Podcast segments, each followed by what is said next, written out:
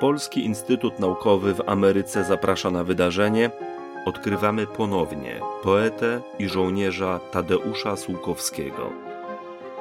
Pragniemy przybliżyć Państwu wybrane archiwalne materiały przechowywane w kolekcjach Piasa w Nowym Jorku i będące polskim dziedzictwem kulturowym na obczyźnie. Materiał powstał na potrzeby zadania opracowanie, digitalizacja i promocja zbiorów oraz działań Polskiego Instytutu Naukowego w Ameryce. Dofinansowano ze środków Ministra Kultury, Dziedzictwa Narodowego i Sportu Rzeczypospolitej Polskiej. Czyta Aneta Kosno.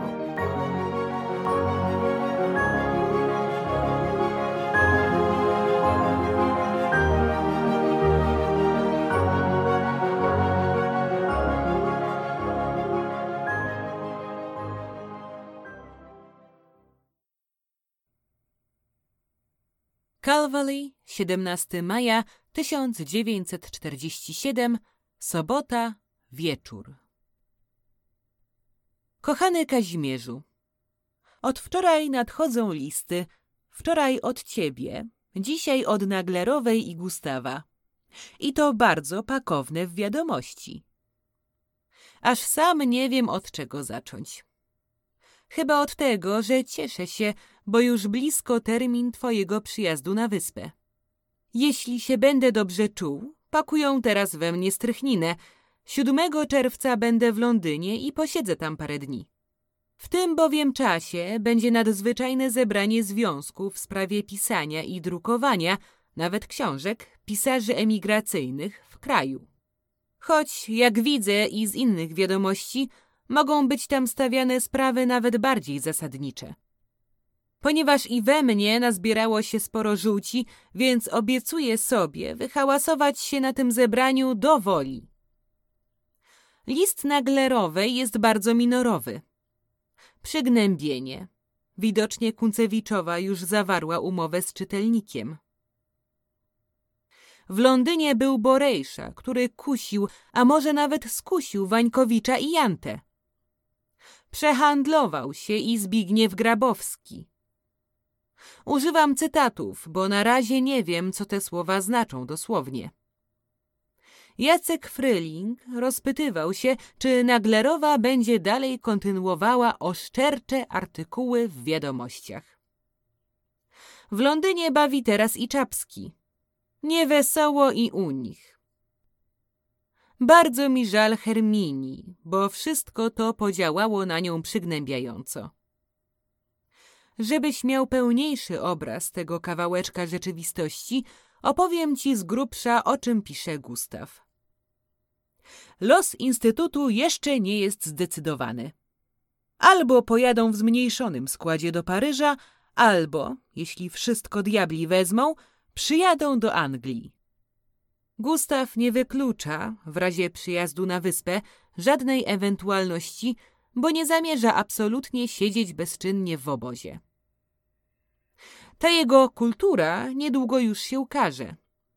Ma do ciebie trochę żalu, bo chociaż sam w swoim czasie nie mógł ci przysłać artykułu, bo był bardzo zajęty, posłała ci rysunki Krystyna, których ani nie umieszczasz w Orle, ani nie odsyłasz jej. W liście nie ma żadnego akcentu niechęci wobec ciebie. Po prostu nie możecie się jakoś dopasować we współpracy. Najlepiej będzie, jak z tych rysunków coś wybierzesz i sam jakoś tę niewyraźną sytuację wyjaśnisz. Przynajmniej ja bym tak zrobił, bo dla mnie nieporozumienie z jakimś człowiekiem jest katastrofą prawie kosmiczną, którą bym, nie czekając na nic, chciał zażegnać wszystkimi sposobami. Tak się jakoś złożyło, że nie tylko ja przestałem do Gustawa pisać. Od stycznia nie pisałem do zeszłego tygodnia, ale i sporo jego przyjaciół z Anglii. Było mu z tego powodu bardzo przykro. Wierzę w to. serca cię proszę. Pogódźcie się jakoś, bo zdaje się, ja najbardziej na tym cierpię. Wszystkie te wiadomości podaję tylko dla ciebie. Piszcie o wszystkim, ale nie chciałbym za nic, by z tej mojej szczerej z tobą rozmowy wyciekło coś na zewnątrz. Pamiętaj o tym, Kazimierzu. Pozdrów Kołonieckiego, jak będziesz pisał do niego. Ludzi coraz więcej wraca do kraju. Widziałem pismo z kurii czy z biura Gawliny żądające zeszytu ewidencyjnego Drewnowskiego w związku z jego powrotem do kraju. Myślę, że sporo będzie nowości w tym czasie, gdy pojadę do Londynu. A tu jak na złość. Niezbyt się czuję i wszystko to bije we mnie z podwójną siłą. Wyobraź sobie, że komendant obozu zrobił mi wczoraj nadzieję, że może już niedługo dostanę jakiś pokoik. Sam się z tym do mnie zwrócił. Ano, zobaczymy, czy to tylko obiecanka cacanka, czy też rzeczywistość. Wiosna u nas od dłuższego czasu niesłychana. Słońce i zieleń. Chyba tak ślicznie było w raju. W dodatku wróżą dalszy ciąg tego zielonego piękna. Napisz, kiedy wyjeżdżasz z Brukseli i gdzie się zatrzymasz. Miałem wiadomości, że Montfiła niedawno widzieli w ambasadzie warszawskiej. Jeszcze widać nie wyjechał. Za oknami już noc. Trzeba kończyć. Za parę dni znowu napiszę. O, taki list, jak ten twój ostatni, to rozumiem. Widzisz, że i ja piszę sporo. Kazimierz, pisz. Ściskam. Tadek.